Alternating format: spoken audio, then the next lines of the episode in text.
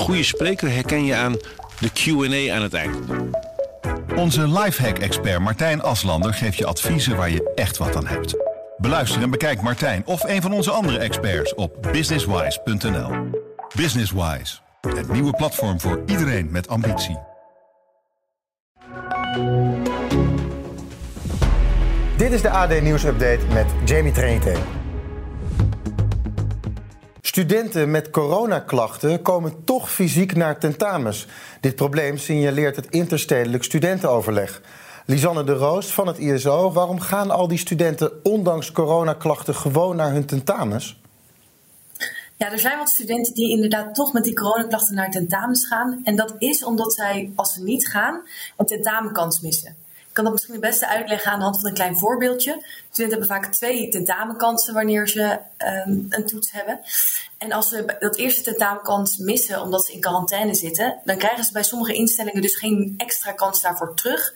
En daardoor voelen studenten toch een bepaalde druk om wel naar dat tentamen te gaan. En zijn wij dus bang dat er studenten met coronaklachten de tentamenzaal inkomen. En om hoeveel studenten gaat het?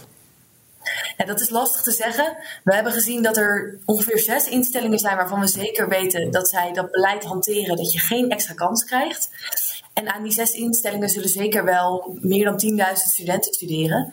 Dat is natuurlijk de vraag hoeveel studenten door die druk er daadwerkelijk voor kiezen om met die klachten naar de tentamenzaal te gaan. Dat weten we op dit moment niet. Maar eigenlijk is elke student die met coronaklachten naar een tentamen gaat er één te veel.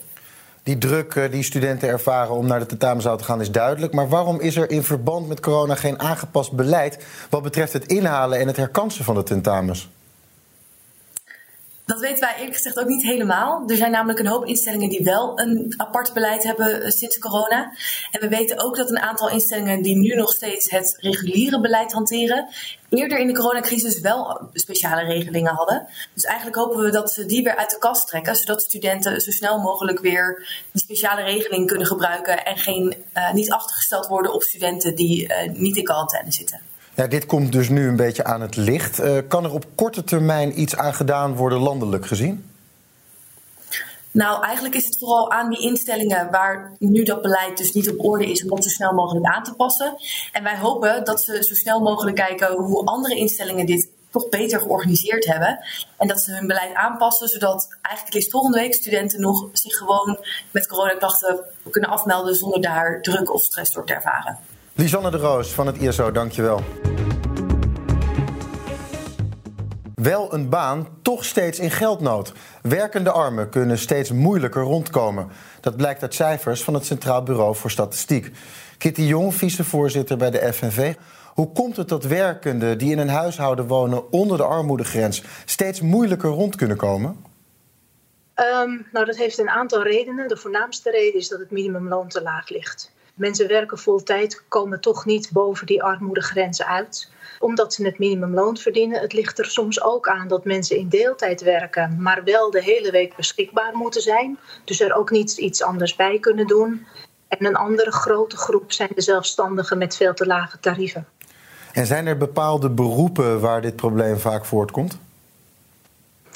Ja, die zijn er. En dat valt eh, voor een groot deel samen met bij de cruciale beroepen uh, de beroepen die we eigenlijk niet kunnen missen om de samenleving overeind te houden. Denk aan de thuiszorg, aan het schoonmaak, aan winkels, de horeca, callcentermedewerkers, maar ook bijvoorbeeld de bagageafhandeling op Schiphol.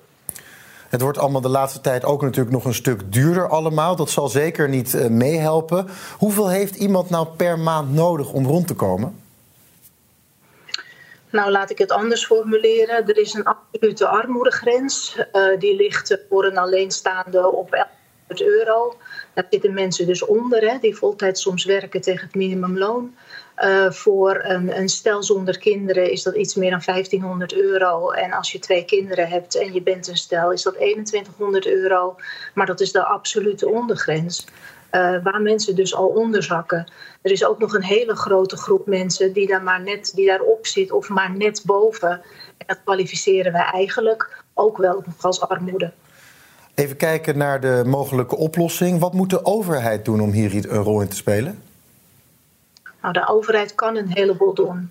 De overheid uh, kan als eerste fors het minimumloon verhogen en niet zo twee keer per jaar gebeurt al met hele kleine stapjes, maar gewoon één keer fors. Ehm, de overheid kan bijvoorbeeld ook de kinderopvang gratis maken voor iedereen, zodat mensen um, zich ook kunnen ontwikkelen om, om in ieder geval hoger ook in die loonschaal terecht te komen. Uh, er zijn belastingmaatregelen die genomen kunnen worden, maar de snelste stap is nu een verhoging van het minimumloon. We hebben het natuurlijk al over mensen die al een baan hebben, die al werken. Is er ook iets wat zij zelf nog kunnen doen? Um, dat is natuurlijk in heel veel gevallen heel erg lastig, omdat we het over mensen hebben die ofwel al 40 uur per week werken. Uh, ook vaak in zware beroepen, hè, waar je echt heel erg moe bent en, en, en het lastig is om daar s'avonds nog iets bij te doen. Um, of mensen werken in een deeltijdbaan uh, waar ze zich wel uh, de hele week voor beschikbaar moeten houden. Het is heel erg aantrekkelijk voor werkgevers om, om iemand een contract te geven van uh, 20 uur. Uh, en als hij daar een paar mensen van heeft, dan is dat natuurlijk, kan hij die maximaal flexibel inzetten. Dat is heel erg nadelig. Daar ligt trouwens ook een, een rol voor de overheid uh, om, om een einde te maken aan dat soort uh, contracten. Wat mensen zelf kunnen doen is, is zich verenigen om, om met ons de strijd aan te gaan. En die vindt inmiddels op heel veel plekken plaats om dat minimumloon verhoogd te krijgen. Maar ook naar het bedrag dat wij willen, 14 euro in ieder geval. En, en ondertussen is er vooral, zijn het vooral de werkgevers die op dit moment al iets kunnen doen. Want die hoeven natuurlijk een verhoging van het minimumloon niet af te wachten om mensen meer te gaan betalen. Kitty Jong van de FNV, dankjewel voor je toelichting. We praten erover verder met Gerard van Vliet, postbezorger bij PostNL. Gerard, goedemorgen. In de groep werkende armen vallen ook veel postbezorgers. Hoe komt dat? Ja, de, goedemorgen ook. Uh, de reden is dat uh, uh, postbezorgers uh, maar een heel schaal lo loon krijgen. En ook dat het werk zo zwaar is dat je niet meer dan zeg maar 20 uur, 22 uur per week kunt werken. Omdat het niet vol te houden is. En dat arbotechnisch ook niet kan. Dus dat maakt dat op zich postbezorgers, als je dan naar het maand, maandloon kijkt, dan komt daar een heel laag bedrag uit. En om er een beeld van te krijgen, wat is dat uurloon? Nou, het uurloon wisselt een beetje van als je in dienst komt naar uh, totdat je zeg maar een paar jaar in dienst bent. Maar dat begint zo ongeveer bij 10 euro en gaat door tot naar 11 euro, ruim 11 euro. En hoe lukt het jou om dan toch rond te komen, ondanks dit lage uurloon? Ja, de reden waarom ik zelf wel rond kan komen, is dat je natuurlijk wegen zoekt om uh, dat, dat uh, uh, door te bezuinigen. Maar ook omdat ik zelf in de gemeenteraad actief ben voor, voor een politieke partij en daar ook een inkomen uit heb. Dus door die combinatie red je het. En zo zie ik ook bij collega's dat zij bijvoorbeeld ook een baan in de zorg er deels bij hebben. Dat lukt niet altijd, want die uren zijn, zijn zoals net ook al door Kitty de Jong gezegd werd, die uren zijn lang niet altijd te combineren. Dus het is echt heel erg uh, passen en meten. En, uh, maar goed, dus veel meer. En ik hoor ook wel van mensen die naar de voedselbank gaan om op die manier toch kosten te besparen. Hopelijk gaat er nu snel iets aan gebeuren. Gerard van Vliet, dankjewel. Het liquidatieproces Marengo gaat weer verder. Vandaag wordt de moord op Ranko Skekic behandeld. Misdaadverslaggever Jelle Tieleman volgt de zaak. Jelle, wie was uh, Skekic en waarom werd hij vermoord? Ja, Ranko Skekic was een, een, een, crimineel die in de Utrechtse wijk Overvecht woonde. En uh, volgens justitie uh, was hij een vriend van een uh, rivaal van Taghi. En omdat de Taghi deze rivaal eigenlijk niet te pakken kreeg, is hij volgens justitie begonnen met het ja, uit de weg ruimen van, van die vrienden. En Ranko Skekic was er daar één van. En hij werd in juni van 2016 voor de deur van zijn woning om het leven gebracht. En vandaag wordt kroongetuige Nabil B. verhoord. Uh, wat gaat hij hierover verklaren? Ja, hij zal voornamelijk over zijn eigen rol bij deze moord gaan vertellen. Hij heeft toegegeven dat hij daarbij betrokken was. Hij heeft uh, allerlei voorverkenningen gedaan. Hij heeft de wegen van, van Ranko Skekic zeg maar, in kaart gebracht. Locaties van hem doorgegeven. Um, maar hij zal ook verklaren over de rol van anderen daarbij. Uh, want dat is hij verplicht als kroongetuige. En dan hebben we natuurlijk ook nog Mohamed Razouki, die vroeger natuurlijk de boezemvriend was van Nabil B. Nu staan ze lijnrecht tegenover elkaar. Hoe ging dat eerder in de rechtszaken? Ja, dat was altijd uh, wel vuurwerk, omdat deze uh, verklaringen lijnrecht tegenover elkaar staan. Nabil zegt: Ik heb samen met Mohamed Razouki zeg maar die, die, die voorbereidingshandelingen uitgevoerd om, om Ranko Skekic in beeld te krijgen. En Razouki zegt: Daar is helemaal niets van waar. Dat is verzonnen. Hoe kom je erbij?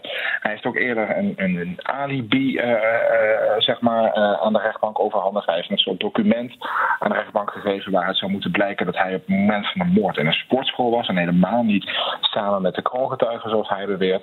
Um, en ook vandaag zal hij daar wel uh, iets over gaan zeggen. En, uh, en dat doet hij altijd vrij overtuigend, moet ik zeggen. En kunnen we dan vandaag weer vuurwerk verwachten, denk je? Ja, nou ja, eh, een verhoor met kroongetuigen is wat dat betreft altijd, altijd spannend, zeker. Zijn er nog andere ver verrassingen misschien vandaag die ons te wachten staan? Ja, Mohammed Razouki, we noemden hem net al even, die, uh, die is als het ware uh, alleen vandaag. Dat betekent zijn advocaat die heeft afgelopen dinsdag uh, aangekondigd dat hij voorlopig niet meer in de rechtszaal zal zijn. Dat heeft ermee te maken dat het werk voor advocaten een stuk moeilijker is geworden, omdat advocaten geen gegevensdragers meer mee mogen nemen naar de EBI. Nou, daar is dinsdag veel over gezegd. Hij heeft gezegd, zolang die situatie er is, ja, is er voor mij eigenlijk geen plek in deze zaal. Ik kan de verdediging niet voeren. En dat betekent dat Mohamed Razouki um, als het ware uh, zijn verdediging alleen gaat voeren. Hij heeft aangekondigd dat hij bijvoorbeeld ook zelf allerlei verzoeken wil gaan doen. Hij wil zelf de kroongetuigen gaan ondervragen. Nou ja, dat, dat kan nog best wel eens uh, verrassend worden. Jelle Tieleman, dankjewel en succes in de rechtbank vandaag.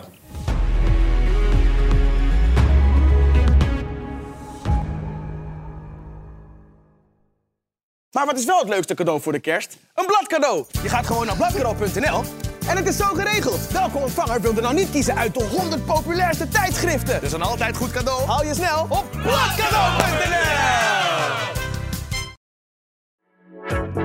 Mensen luisteren niet naar wat je zegt, maar kopiëren wat je doet. Onze vitaliteitsexpert Martin Hersman helpt je te focussen op wat echt belangrijk is. Beluister en bekijk Martin of een van onze andere experts op businesswise.nl.